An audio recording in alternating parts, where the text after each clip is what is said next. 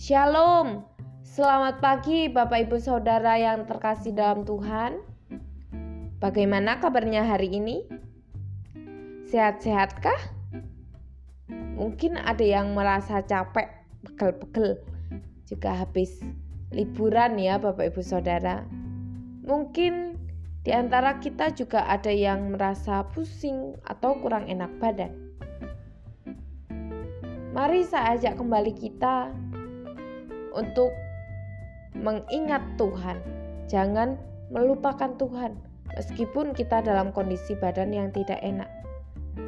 Mari kita siapkan hati, pikiran, dan diri kita untuk bersyukur kepada Tuhan atas kehidupan yang Tuhan berikan kepada setiap kita.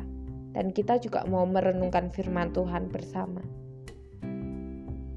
Roma 12 ayat 1. Roma 12 ayat 1. Karena itu saudara-saudara, demi kemurahan Allah, aku menasihatkan kamu supaya kamu mempersembahkan tubuhmu sebagai persembahan yang hidup, yang kudus, dan yang berkenan kepada Allah. Itu adalah ibadahmu yang sejati. Bapak, ibu, saudara, bukan hanya persembahan secara materi saja yang kita berikan kepada Allah, seperti firman Tuhan yang kita renungkan pada hari Rabu kemarin, ya.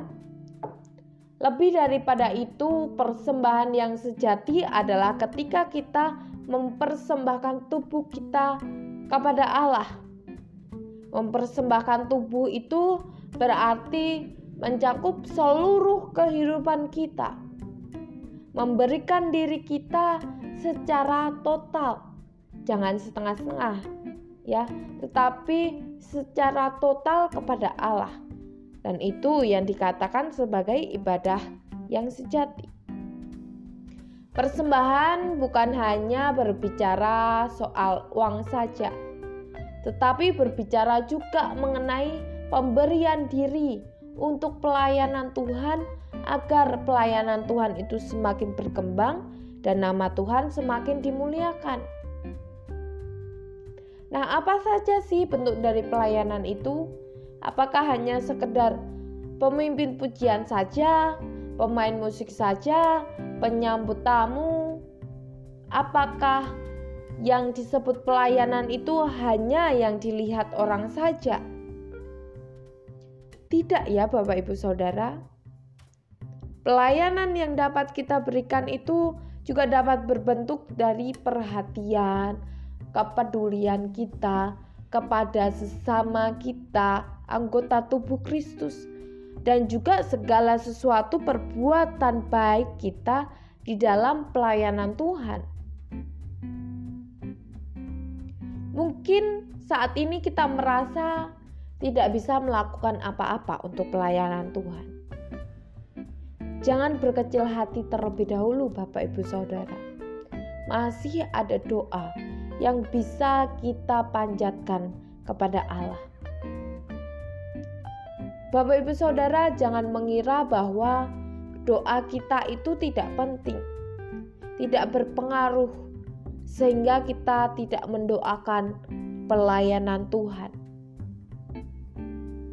Jangan salah, Bapak Ibu Saudara justru doa itu memiliki pengaruh yang sangat besar, yang besar bagi pelayanan Tuhan. Pelayanan Tuhan dapat berjalan, orang-orang yang melayani bisa kuat, bisa bersemangat, bisa memiliki hikmat, semua karena doa. Bapak, ibu, saudara, ketika kita sudah tidak bisa apa-apa lagi untuk melakukan pelayanan Tuhan.